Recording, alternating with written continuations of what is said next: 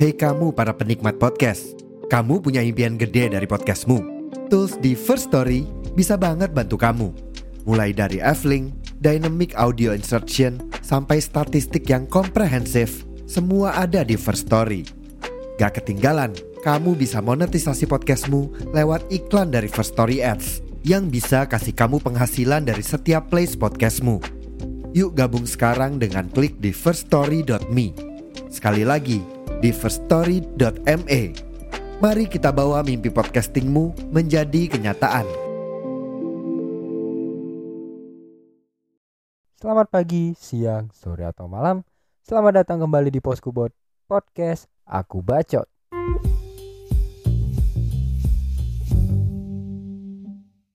Halo, halo, selamat datang kembali teman-teman Sobat Poskubot uh, di podcast ini dan kali ini akhirnya gue upload episode lagi dan gue senang banget di mana akhirnya gue menemukan yang pengen gue ajak ngobrol lah dan gue rasa ini juga bisa punya insight dan value buat kalian. So uh, gue rasa makin lama menit demi menit ini akan makin menarik disimak buat kalian. Dan ya uh, di episode kali ini gue lagi kedatangan teman lama teman akrab dan hampir lama nggak ketemu udah sebulan nih gue nggak ketemu dia dia termasuk orang yang gue ceritain di podcast kemarin. Dia adalah salah satu orang yang ketemu dan akrab selama gue magang di Yogyakarta. Dan akhirnya hari ini gue punya kesempatan ya buat ngobrol sama dia. So mungkin untuk menghemat waktu kita langsung ke perkenalan. Silahkan diperkenalkan. Oke okay, thank you El. Halo guys. Uh, kenalin nama gue Nanda Tama. Gue salah satu senior L waktu dia magang di Jogja dan mungkin salah satu senior yang paling sering diperesin Ini self claim banget ya. Gak lah gue kan sama lu tuh selalu murni om. Gak mungkin gue peres sama lu. Karena yakinnya Pisces tuh gampang percaya sama Gemini ya sih? Gak gue gue benci banget nih bahas-bahas zodiak. Karena uh, mungkin kalau lu zodiaknya masih kayak Vio eh Vio Virgo Leo itu masih aman di tongkrongan tuh di saat lu ngomong zodiak. Coba gue udah tahu gue Gemini tuh langsung kayak ih Gemini Gemini. Emang apa sih? Emang Gemini kenapa sih? Ini nggak ada yang salah sama Gemini. Cuman lebih sering kebohong aja. Dan bohongnya sering ketahuan itu sih. Ya gimana ya zodiak Gemini tuh sebenarnya jangan dijauhin teman-teman. Kita tuh asik di saat kalian tuh udah deep down inside gitu. Jadi ya cobalah untuk lebih akrab dengan Gemini tapi jangan deh kayaknya kayaknya memang daripada yang baik emang lebih banyak belangsaknya ya ya ini Mas Tama guys sering gue panggil Om juga sebenarnya tapi dia masih muda masih ya, masih single ya. Masih gres banget nih dan udah lama nggak ketemu jadi aku kangen banget sih uh, ngobrol karena memang kita tuh sering ngobrol di kantor dan sering main lah ya. Jadi uh, salah satu senior di kantor yang menurut gue asik banget dan ini adalah salah satu apa ya let's say uh, contoh staf kantor yang teladan. Terutama untuk uh, staff-staff yang menangani anak magang. Jadi dia tuh uh, dia cukup orang yang cukup suportif orang yang cukup enak diajak ngobrol. Dan ya um, ngomongin soal lama nggak ketemu dan tahun yang berganti nih om. Kan gue terakhir ketemu lo tuh di tahun 2022 ya. Ya 2023 awal lah sebelum gue balik kan. Itu uh, kita seringnya ngobrol barengnya cuman di tahun lalu kan. Jadi sekarang tahun udah berganti gue juga udah nggak di kantor itu. Dan ya namanya tahun baru otomatis everything is new termasuk pribadi yang baru. Dan kalau lu sendiri gimana om? Uh, di tahun yang baru ini uh, apa sih yang lagi lo kejar gitu di tahun 2023? Kalau ngomongin 2023 sebenarnya sebenarnya gue orang yang cukup membenci bukan membenci sih kayak sedih kalau mengingat umur ya. Karena gue tuh orang yang kalau bisa muda kenapa harus tua ya gue menolak tua sih tapi apa yang dikejar di tahun 2023 itu yang pertama gue pengen menambah bunyi-bunyi tabungan jelas biar gue bisa main ke Bondowoso ke tempat oh iya ding gak boleh nyebut ini ya. Aduh aduh pelanggaran nih. Gak boleh gak boleh. Yang jelas uh, gue pengen ke Bali nih sama hostnya ya. Makanya gue nabung banget nih tahun ini. Dan yang kedua gue itu pengen banget tahun ini bisa lebih banyak berkontribusi sebagai aktivis itu karena kalau teman-teman cek IG gue itu gue di situ nulis kalau gue pengen banget jadi aktivis. Sebenarnya di tahun-tahun awal kerja itu gue cukup banyak ikut kegiatan cuman nggak tahu ya karena kerjaan yang banyak jadi tahun kemarin apalagi waktu pandemi itu gila sih nggak hampir nggak ada kegiatan offline yang bisa gue ikutin.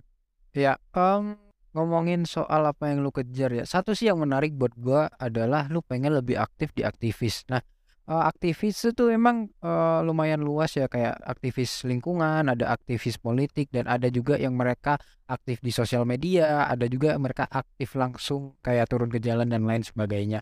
Nah, kalau lu sendiri lu pengen jadi aktivis yang seperti apa? Lu tau gak sih El, gue itu orangnya pemalu tau. Gue tuh pemalu, apalagi kalau kita gabung di sebuah organisasi komunitas kan pasti ketemu orang baru ya. Jadi gue pengen share pengalaman kalau waktu gue masih masih umur-umur kuliah kali ya. Di situ jarang banget gue buat speak up. Tapi ketika gue umur-umur bekerja dan gue ikut organisasi, otomatis uh, secara langsung orang itu akan dapat jatah speak up yang lebih banyak karena dia pasti akan dituakan sih Nah, di situ gue seneng sih. Tapi kalau ngomongin uh, kegiatan apa aja yang gue sempet ikutin, itu banyak sih. Kayak gue pernah terjun di aktivis lingkungan, bersih pantai, uh, terus penyelamatan penyu, juga pernah di di panti itu ngurusin anak-anak panti. Tapi uh, yang gue masih belum berani sampai sekarang itu aktivis di bidang politik dan di bidang LGBT sih. Itu menurut gue yang banget resikonya. Kalau host sendiri kayaknya jarang banget sih ikut ya. Um, kalau soal aktivis yang gitu-gitu ya sih jujur gue jarang dan mungkin belum pernah ya kalau yang aktivis banget. Karena memang um, gue itu adalah orang yang pertama gue mageran sebenarnya. Kedua gue merasa kayak kapabilitas gue nggak di situ gitu. Jadi gue itu tipe yang orang bakal bilang gue tuh orang yang nggak mau gerak kalau bukan zonanya. Jadi gue juga merasa kapabilitas gue itu tidak apa ya nggak cocok lah untuk di aktivis itu. Meskipun uh, gue tuh adalah orang yang sering mantau juga maksudnya isu-isu lingkungan politik cuman gue masih di tahap mantau doang. Kan kalau aktivis mereka juga langsung action gitu entah itu hal politik ataupun lingkungan itu yang membedakan bukannya gue nggak mau lebih ke mager aja sih karena gue rasa gue punya apa ya tujuan lain gitu dan bisa gue lakukan termasuk podcast ini yang gue menyuarakan eh, hal-hal uh, atau masalah yang ada di usia 20-an dan balik lagi ke kehidupan lu nih. Nah, lu bilang tadi politik dan LGBT itu adalah uh, kayak apa ya hal yang paling beresiko. Kalau LGBT kita udah tahu lah itu udah rahasia umum kenapa itu beresiko. Cuman yang menarik buat gue itu politik.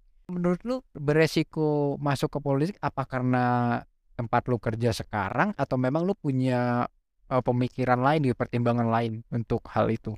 Sebenarnya kegiatan politik itu kenapa menurut gue agak riskan, agak bahaya karena yang pertama memang uh, beberapa perusahaan uh, mengharuskan pegawainya untuk steril ya, untuk tidak memihak lah. Tapi kalau gue pribadi, uh, untuk beberapa orang yang sudah tahu bagaimana cara kerja seorang aktivis itu pasti banyak banget sih pertimbangannya. Kayak kalau gue ikut ini, ntar resikonya kan ini.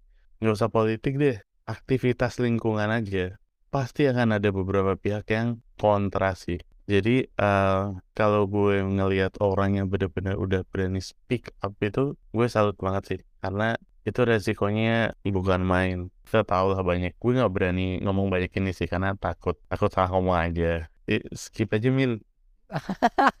Gue juga takut tiba-tiba ada laser sniper. Ya gue melihatnya lu adalah orang yang punya tujuan yang jelas gitu. I mean uh, lu ada di posisi lu udah kerja lu udah sibuk dengan pekerjaan tapi lu masih pengen nambah value baru di hidup lu dengan aktif di aktivis itu. Dan uh, ini good thing sih terutama untuk anak-anak muda ya di mana ya meskipun lo udah terbiasa follow the flow tapi lo harus juga punya tujuan gitu dan gue merasa itu udah ada di diri lo lo udah punya tujuan yang jelas lo mau ke mana meskipun ya ya namanya anak muda identik dengan foya-foya dan lain sebagainya yang enak-enak aja yang dipikirin. Nah, gue pengen nanya nih, lu udah ngerasa kalau masa muda lu itu butuh tujuan jelas tuh di saat apa? Mungkin uh, di saat mulai terima gaji sih. Tapi pasti uh, anak muda itu kalau terima gaji di awal, biasanya dia belum kepikiran. Pasti oke okay, gue mau nabung nih. Tapi mungkin di atas 50% itu nggak akan terjadi ya. Nah, buat mereka yang udah kerja lama, itu pasti ada dua jenis. Mungkin kalau kalau pernah dengar atau tonton pernah dengar generasi sandwich, itu mungkin salah satunya saya. Itu akan lebih mudah nabung.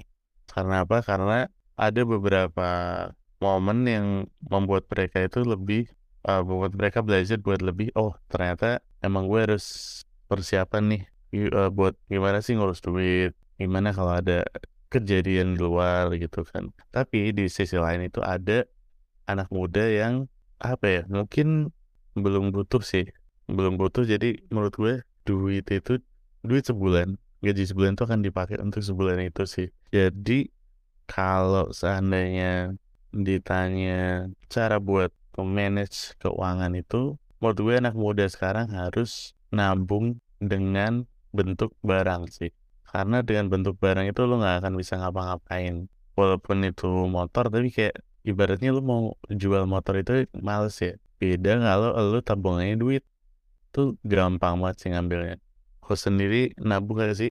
Wah gue benci nih pertanyaan-pertanyaan begini karena wah lu tahu sendiri lah ya uh, gue tuh sebenarnya uh, untuk masalah duit memang kurang wise ya. Jadi kayak benar kata lu kalau kita tabungannya dalam bentuk duit itu susah banget karena memang apa ya namanya jiwa muda ya you know kita masih pengen main, pengen ngerasain atau menikmati masa muda gitu otomatis ya namanya anak muda nggak jauh-jauh sama pengeluaran yang nggak terduga dan nggak apa ya nggak wise lah. Karena ya lu tahu sendiri kasus si airsoft gun itu kan.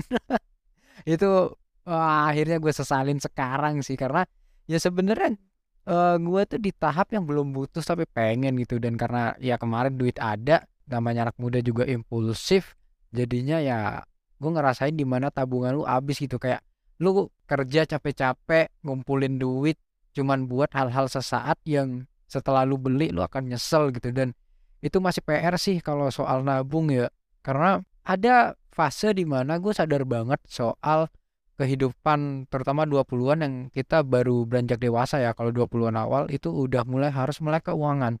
Pernah juga ada di fase itu fase yang kayak wah sadar banget gue pengeluaran harus di ini harus dijaga dengan bener nih harus cash flow gue harus beneran rapi. Tapi gue juga tidak bisa memungkiri namanya anak muda ada hilafnya banyak sih hilafnya. Jadi gak wise banget dan untuk nabung ya gue berusaha sih. Ini juga termasuk uh, salah satu yang gue upayakan di tahun ini. Gue akan lebih wise lagi lebih strict lagi soal cash flow gue. Dan ya ya semoga lah ya itu terrealisasi. Karena ya namanya nabung kita emang penting banget teman-teman. Karena ya tidak hanya pekerjaan uang pun sulit dicari.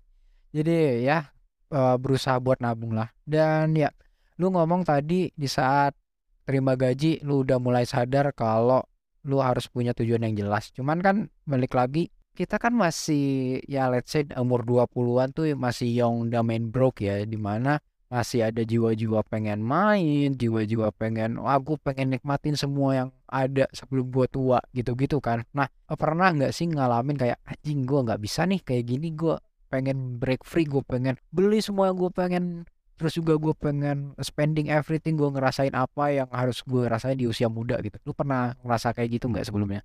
Mungkin pernah sih cuman uh, pasti bentuknya kan beda-beda ya tiap orang. Kayak gue pribadi gue jarang banget kepengen beli barang ZL jadi gue lebih kayak traveling. Uh, walaupun itu cuma di sekitar Jogja ya. Atau seenggaknya gue paling seneng yang namanya nongkrong gitu. Dan menurut gue itu adalah salah satu reward sih buat masing orang ya. Terutama kalau gue suka nongkrong ya gue kan reward diri gue dengan itu gitu. Dan gue sering banget dapet uh, dari teman-teman yang kayak lu nabung gitu jangan nongkrong mulu gitu. Gue tuh pengen jawab tapi kayak mungkin gue jawab di sini aja gitu gue udah nyiapin duit buat nabung nih. Keperluan juga udah gitu keluarga udah. Gue masih ada sisa gue nongkrong apa salahnya gitu kan. Itu lebih ke kayak kalau kalian pengen nikmatin masa muda nikmatin apa yang belum pernah kalian nikmatin nikmatin aja karena gue itu sering banget lihat orang yang telat nakal atau mungkin telat telat menikmati hidup kali ya menurut gue itu yang bahaya sih El Ah, bener banget sih. Em, istilah telat nakal tuh emang gue juga udah sering denger dan gue melihat sendiri di mana ya sebenarnya em, gimana ya ngomongnya ya. Sebenarnya kalau bisa sih lu nggak bandel ya. Cuman namanya hidup ya em, kita tidak bisa memungkiri gitu. Jadi misalkan lu bandel gitu ya, lu bandelnya di saat lu tidak di usia yang tidak seharusnya gitu. Karena kalau udah usia apa ya, gue ngerasa kayak makin tahun kan hidup makin berat makin dituntut sana sini dan untuk banyakkan pikiran yang gak wise itu kan akan apa ya itu akan memberatkan diri sendiri sih kayak udah umur sekian misal let's say 40 50 di mana biasanya itu adalah umur-umur orang yang udah settle keuangan udah aman eh, keluarga juga udah aman juga tapi lu masih kayak anak 20-an yang masih ya itu young dumb and broke jadi ya lu masih tidak wise dengan hidup lu, keuangan lu, or even everything you should manage. So, ya bener uh, kalau bisa sih jangan sampai ya. Jadi bener bener kata lu lagi, selama lu masih punya uang sisa dan memang uang itu uh, udah ya udah uang dingin nih bukan buat uang keperluan lain ya nggak apa-apa nikmatin uh, apa yang bisa lu nikmatin di masa muda. Uh, cuman dari cerita lu tadi gue nangkap satu hal nih. Lu bilang di situ adalah reward. Reward berarti biasanya untuk orang yang udah bekerja itu adalah suatu escape di mana kita tuh udah capek nih kerja ya. Gue butuh sesuatu tuh buat meringankan pekerjaan gue. Gue ya sebagai orang yang pernah di sana gue akuin pekerjaan di situ memang lumayan berat. Ada funnya, tapi pasti stressing. Ya namanya kerja uh, mental pasti dimakan lah ya. Cuman kali ini kalau soal kerjaan kayaknya kalau bahas kerjaan itu udah basi ya udah banyak dibahas podcast lain cuman di waktu kerja kemarin kerja bareng lu di suatu instansi itu gue melihat suatu fenomena yang menurut gue menarik untuk dibahas. Kayak ya namanya di sebuah instansi ya eh, kita berhadapan dengan banyak orang banyak banyak uniknya lah banyak orang yang ABCD dan dengan latar pendidikan atau latar keluarga yang sangat berbeda satu sama lain. Dan gua melihat kalau uh, gelar itu sangat dipandang. Kayak gelar itu adalah suatu cara buat menentukan lo akan berada di posisi mana di sebuah instansi atau kantor. Nah, gue juga melihat banyak orang-orang yang akhirnya dipandang sebelah mata cuman gara-gara gelar padahal dia tuh juga capable dalam melakukan pekerjaan sama dengan orang-orang yang bergelar ini. Nah, menurut lu sendiri gimana sih e, cara lu nyikapin e, gelar yang selalu dipandang pertama ketimbang skill? Nah, kayaknya bahasannya udah makin berat nih. Tapi sebelum kita lanjut, kita dengerin yang lewat berikut ini. Halo Sobat Poskubot, gimana? Serunya nih podcastnya? Nah, biar makin seru, gue pengen ngasih solusi buat kalian yang seneng banget dengerin podcast. Oh, apa emang? Jawabannya adalah Pogo FM. Pogo FM adalah solusi buat kalian yang seneng dengerin podcast tanpa ribet dan super fleksibel. Di sini, kalian bisa dengerin ratusan podcast dengan tema menarik dan berbagai audiobook yang bikin gendang telinga kalian termanjakan. So, tunggu apa lagi?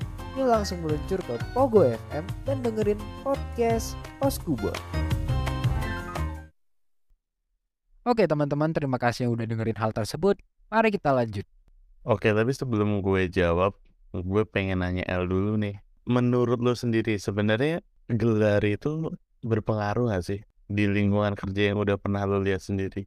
Uh, soal gelar ya, apa ya? Gue melihatnya dengan point of view gue ya. Maksudnya uh, gue menilainya dengan sudut pandang gue. Uh, jujur, gue adalah uh, termasuk golongan yang bergelar. Maksudnya gue kuliah uh, yang nantinya pasti punya gelar. Tapi gue punya pandangan berbeda dengan apa ya yang gue kerjain sekarang. Let's say biasanya dengan orang yang bergelar termasuk gue, gue akan bilang uh, ya gelar itu penting gitu. Gelar itu adalah uh, standar utama. Tapi apa yang gue lihat langsung itu sama sekali nggak berarti gitu. Kayak uh, capable enggaknya seseorang itu bukan dari gelar yang dia punya.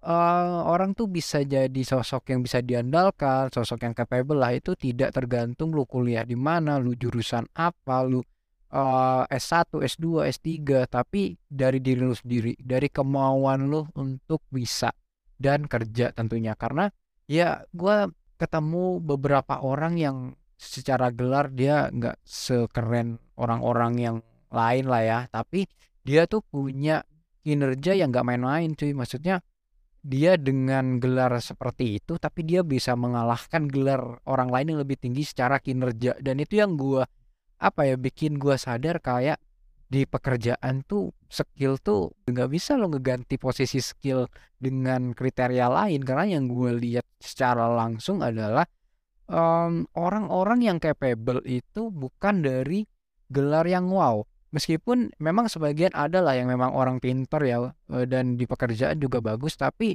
gue melihatnya di sini skill itu tidak dihasilkan dari gelar gitu. Itu tergantung lo cara lo menyikapi dan juga cara lo bertanggung jawab dengan pekerjaan yang lo kasih.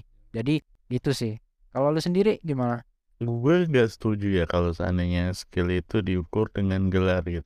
Menurut gue malah skill itu diukur dari berapa lama lu terjun di dunia kerja gitu. Jadi buat kita yang udah pernah kerja cukup lama itu pasti kita ngerasain yang namanya di awal-awal kerja itu mental takut lah dimarahin ini gitu. Ntar keluar, ntar kita resign gitu kan.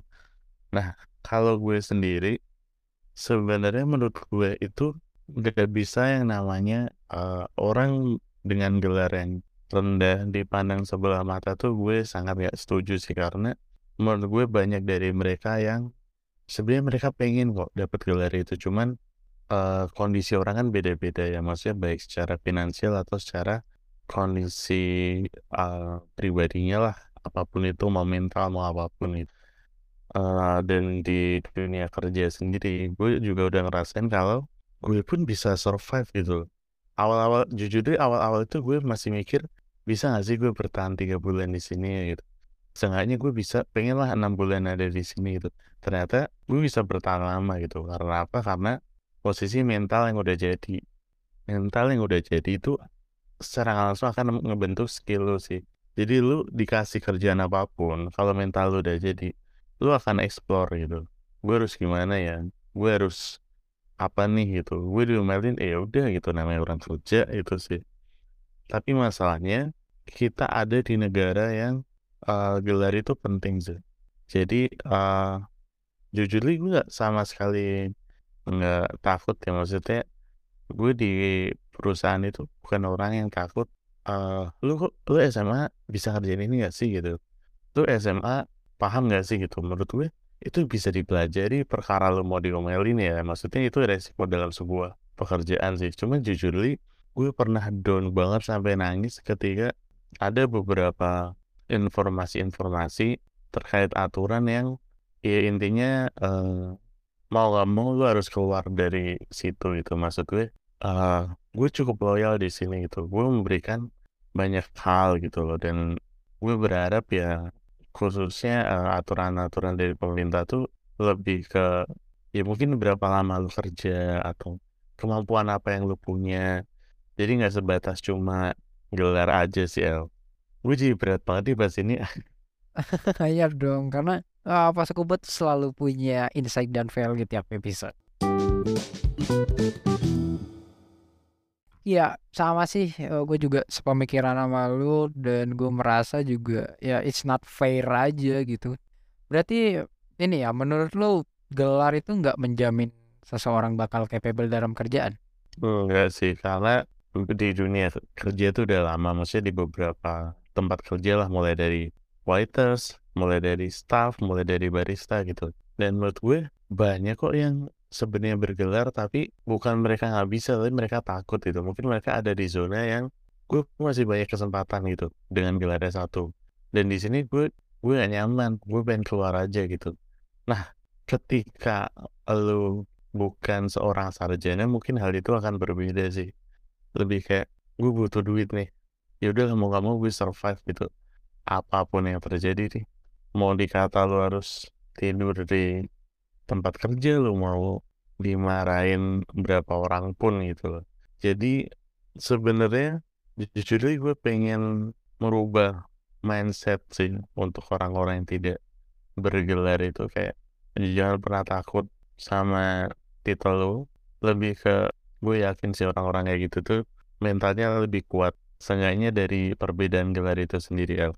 Ya, em, ngomongin soal kerjaan kita juga nggak jauh-jauh dari mental ya. Itu mental sangat-sangat apa ya menurut gua menentukan gitu. Karena terlepas dari eh, gelar lu, kalau lu punya mental baja, wah, lu bisa beresin semuanya menurut gua. Karena gue pun ya mengalami itu dan gue melihat sendiri eh, hal itu. Dan eh, tadi lu bilang soal mental ya, mental dan mental. Itu menurut gue juga akan selalu diucapin sama orang-orang terutama yang udah bekerja lama karena memang itu hal yang fundamental. Nah, eh, menurut lu sendiri Mas, gimana lu menyikapi orang-orang yang di sebuah kantor tuh pasti ada nggak sih orang-orang yang dia tuh butuh duit dan nggak butuh duit gitu. Let's say untuk yang orang yang butuh duit, mereka pasti berjuang, mereka pasti ya berusaha sekuat tenaga buat stay di situ, beresin semua yang ada di situ dan mereka tuh mentalnya udah terlatih tuh mereka udah siap dibanting siap dimarahin lah. Tapi ada satu lagi nih orang yang sebenarnya mereka tuh tanpa kerja di situ juga udah settle gitu dan biasanya orang-orang yang seperti itu uh, tidak semental baja atau tidak segiat orang-orang yang kerja karena butuh duit gitu karena terhimpit keadaan. Nah kalau lu sendiri gimana sih? Oke, kalau gue sih mungkin dari yang yang butuh duit dulu kali ya. Menurut gue orang yang butuh duit itu akan lebih bisa diandalkan gak sih?